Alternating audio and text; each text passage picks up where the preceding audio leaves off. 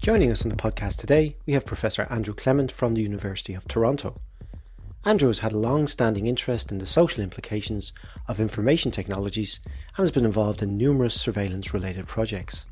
Most recently, he's been part of the Snowden Archives, an online searchable collection of all of the documents leaked by Edward Snowden.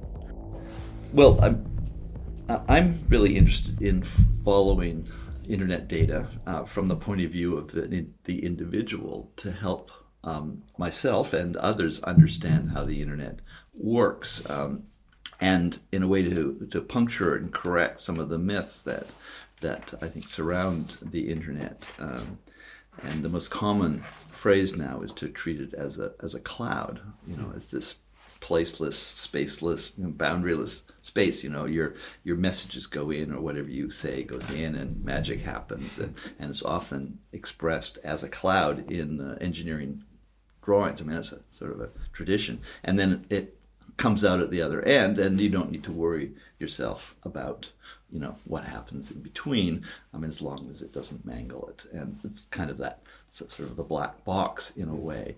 And in some ways, that's very useful uh, because what's going on inside is enormously complicated, and it's quite an achievement to have this, um, you know, this image or uh, the illusion of this, uh, you know, magical space operating. But um, but I think that's very problematic in a number of respects, and, and particularly when it comes to this question, which I've been uh, occupied by, which is about the surveillance of, of internet communications, uh, particularly you know, personal individual communications by state security agencies and intelligence agencies. And then you have to sort of understand much more about how the internet functions, and it is anything but a cloud.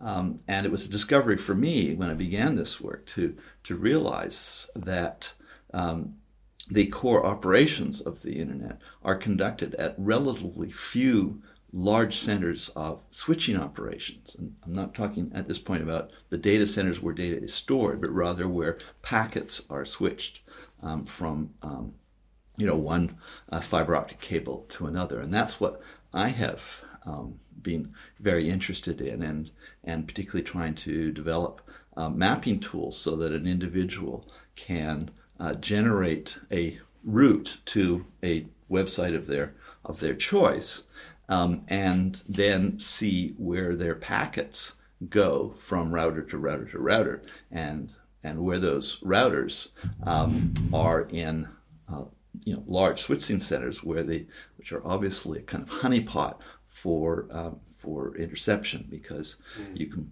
if you have access to uh, relatively few of these, um, you can um, intercept a very large fraction of, of, the, the internet. So rather than being this sort of dispersed phenomenon, it is actually highly concentrated. Mm. And then that leads into questions about um, data centers and where they're sited. So.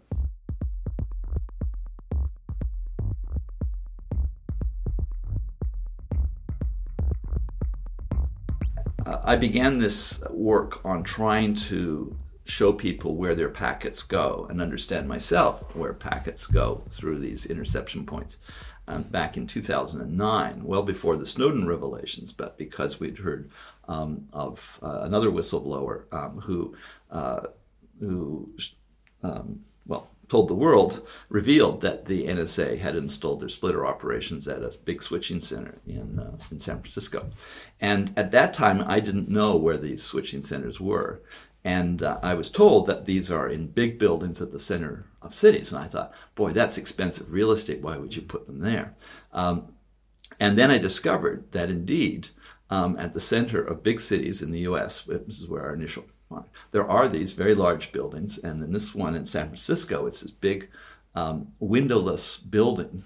And in New York, um, the, the major one there is a skyscraper of like 50 stories, which was you know, built to withstand nuclear attack in the 1960s, um, and it is the uh, the center for um, AT&T's switching, and um, it's it's it's right there downtown in near Wall Street, and it stands out once you notice it because it's got no windows. It's just this massive tower. I've snooped around, I mean, and taken the photographs and and and and tried to, well, in one case, I sort of talked to the guard. This was in London. There's a big switching center there that I, I, I went to. But um, they're very much off limits um, for obvious uh, reasons. I mean, these are treated as points of strategic infrastructure. And um, I, I think the secrecy that, that pervades this area means that they want to uh, draw as little attention as possible. Um, so there's just tiny little sign uh, in the one in London. It was level three, which is the biggest internet uh, transit provider in the world, and this, the you know the, the brass plaque was you know um, a few centimeters. you had to look for it. Yeah. But but um, so they're trying they're hiding in, in plain sight. When you talk on the telephone, the conventional one, is you have for the duration of your conversation there is a, a wire that's that's connected i mean at switches that between you and wh- whoever you're talking to. But the internet is based on on packet switching rather than circuit switching. And what um, happens with the internet uh, communication is that your message whether it's your voice or an image or text is broken up into into short pieces, packets, which have um, as a header uh, the address to which it is being sent. That's uh, called an IP address. Um, and that uniquely identifies, or more or less uniquely identifies, the individual router or device that it's going to. And so um, from your own device, it breaks it up into the packets, it sends them down the, the line, and uh, at each switching center, the uh, a, a, computer looks at that packet. Um, it's a bit like the regular mail system. It says, "Oh, this is addressed to so and so. I use this circuit for that purpose now," and it will pass it on. And so it goes hops from from uh, router to router to router until it gets to you know the destined um, IP address, uh, which is your own device. Um, but of course, it does that enormously rapidly. Um, but uh, that's those individual um, packets. Um, that's how those work.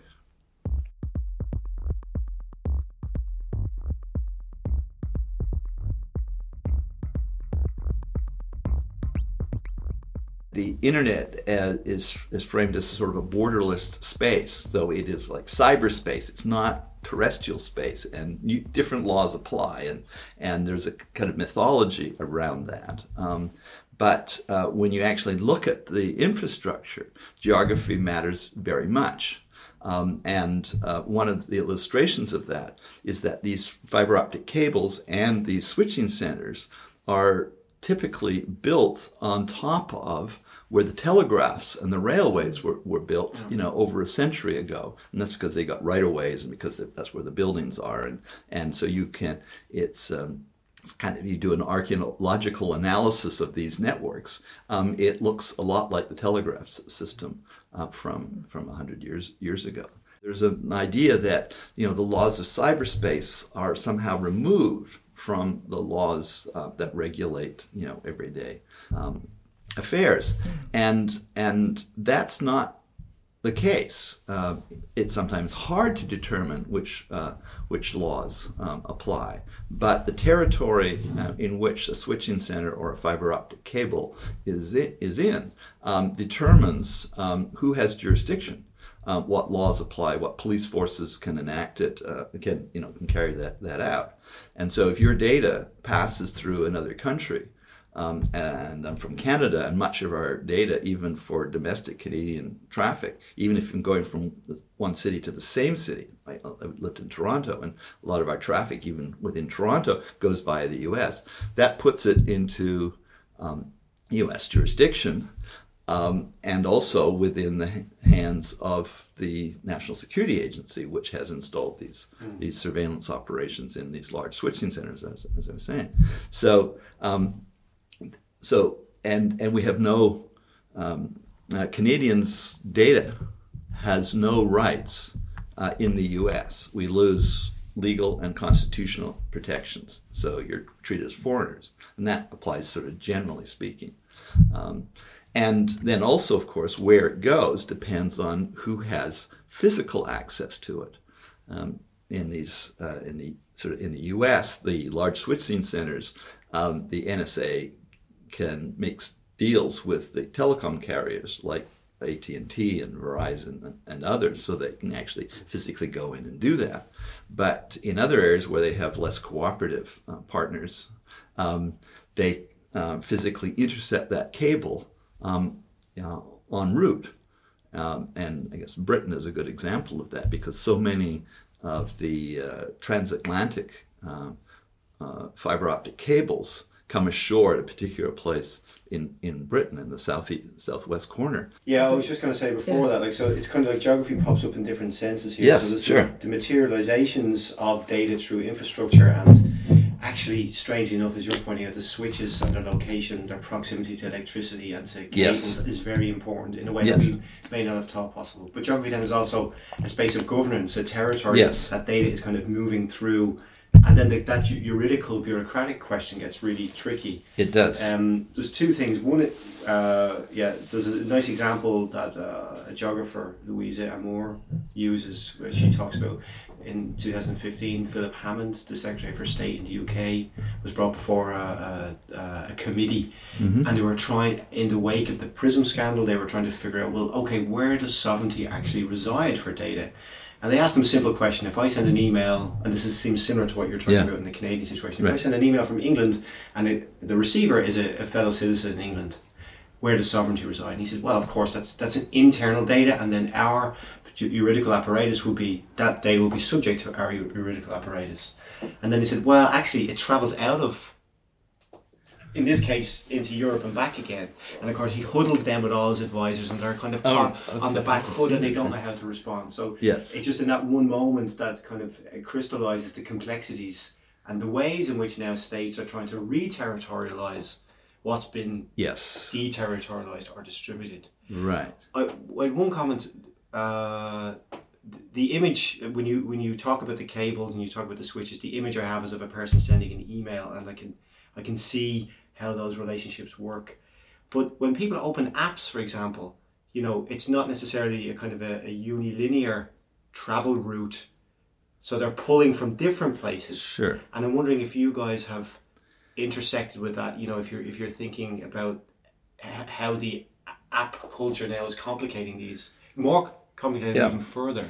Well, we haven't looked at that specifically, but I mean, there there's certainly um, examples of, of sort of, illustration of that. So, for instance, in Firefox, um, there's a there's an add-on called uh, Lightbeam, which uh, shows you the other websites um, that are put trackers uh, that track your behavior, and you, there's a very nice graphic, uh, dynamic representation of that. So, if you go to a news site, um, there will be uh, particularly a popular one, like you know the Guardian or the BBC or mm. CNN or something, then um, there will be a large number of these tracking sites, and they will be physically in different places, um, uh, and different jurisdictions, and so on. So, uh, and then all that data gets harvested by by uh, other parties that you know, are basically data traffickers and, and yes. package and resell information about you, and those could be in other jurisdictions. And, and so the the question of where your data flows, even in the case of an email, um, is very complicated. And and thinking about uh, data centers and um, you know just the, the big big ones, um, you know Google and, and Microsoft are the two uh, primary examples. Uh, I think that are, are interesting here. Although Facebook uh, that applies as well. Um, they have their servers in uh, their large servers in a few countries, and your data will very often reside at that data center wherever that happens to be. They also have a technique called sharding, where they will break up your data. Um, and distribute it globally. So you wouldn't so, say that it's harder to track uh, what is happening after you open an app than after you're sending an email that that that the well, different degrees of complexity and yes i guess the, we don't know very much about it in part because these companies um, you know aren't very transparent. And that is part of what i'm trying to do is to make these operations more transparent so that, so people can see and hold them to account. A very strong sort of design imperative around apps and you know and software generally and, and these services is to hide as much as possible from uh, a user um, so that they can just think that they're, you know, you know, talking to their friend or whatever ever it is. But there's a very complex um, infrastructure there that then it becomes consequential when, say, there's a, a request um, or demand from the police or security agencies as to where to, you know, to, to get that, that, data. A few years ago, the, the U.S. FBI um, requested data from uh, Microsoft uh, for data that was held in Ireland, which is where um, many of these companies have their headquarters, partly because of the light jurisdictional touch there compared to other places in Europe and, and, um, and, and, a weak data protection regime there than, say, in Germany, which is much stronger. Anyway, um, uh, the, the, the, Microsoft fought this request um, in the courts and lost twice, and then recently they had last year, I guess, they had won this right not to respond by, by saying that um, this data is outside. What was the request about? It was for um, information on an individual. I guess it was an email account um, by someone who was um, a, a, European, and Microsoft maintained that the data was only available in um, at this data center in Ireland. Now, I'm very skeptical about whether it was just there. But the, U.S. government's um, argument was that you know Microsoft officials um, in the U.S. could um, could could get access to that data from their from their offices, from their desktop, right? So, um, and since they are, you know, it's a U.S. company, then um, the fact that data is, is in some other continent is really I- irrelevant. Um, but uh, they did um, eventually win that case, but the, but the U.S. has, has not given up on that. Um, so they're now pursuing with, um, with Google as well. And Google has just, uh, yes, recently said that uh, uh, they will comply with, with requ- U.S. requests for data that's held um, in, in other places. So the the juris, the, the I guess the nationality of the company mm. that holds the data mm. then also becomes um, relevant, although yeah. that's messier. I mean, the, yeah. the laws about that are, are, tricky. And then there's the question of whether the, it's in the business interests of these companies to to run afoul of um, you know the U.S. government. So even if it's a foreign, I mean, if it's a, say, a Canadian company that that um, has to do business with the U.S., um, they might find that when they get a you know a quiet request for access to the to the data uh, from the U.S. government, um, that um, they will um, tend to comply, um, even though um, they may not be legally required to. And there's lots of examples of where these requests have been made, where they could refuse. Uh, that there's no legal requirement, but they don't. they uh, they they don't stand on their rights. They they they quietly comply because it um, saves them a lot of you know grief. Yeah. Um, it's a very interesting question because it's it's about the the incorporated nature of the entity, uh, which yeah. Is the state kind of in the heart of the corporation that gives them the right to do these things. Is one state residing within the corporation structure, and then this corporation resides in a geographic territory. Yes. And the question is, which state has access to this data. So it raises a very kind of interesting, tricky question sure. about the competing versions of where the state resides in relation to a corporation. Yes. Physically and actually conceptually and right. legally within the structure of the corporation. Right, and this is getting worked out now. I mean, this is very messy. It's very complicated, and um, you know, there are other. Um, you know, historically, rules of the sea, and yeah. um, you know, have also run into these jurisdictional questions of you know, but um, but uh, the, the, the internet and data communications um, that uh, really adds a whole new um, you know element to this because of its the, the complexity of the routing and the storage and, and so on. And we're working this out. Um, and I think it's it's uh, it's really a critical time um, now in order uh, to um, try to establish some clear rules and principles about this. Um, and what's at stake, I would say, is the uh, are the, uh, the, you know the norms about questions of uh, of speech and communication, and expression, and privacy, um, how those are going to operate. Um, in a kind of globalized uh, internet uh, world. And ultimately, you need some sort of global governance, but we don't have that as yet. And in a way, it's a sort of a, a free for all. And the powerful actors are asserting their their prerogatives, and I'd say to a large extent they're getting away with it. But there are some important examples of, of, of pushback. And um, here in Europe, the uh, your new um, uh, the, the General Data Protection Directive is maybe a powerful instrument, but in the case of the of the of internet uh, data and communications, the Facebook example is is an interesting one because it, this was. Um, uh, there was a recent ch- uh, decision uh, about that with a, with a with a law student uh, called Max Schrems who challenged um, the Microsoft's access to his data because it violated um, the European data protection law, Yeah. and he has won now a couple of times.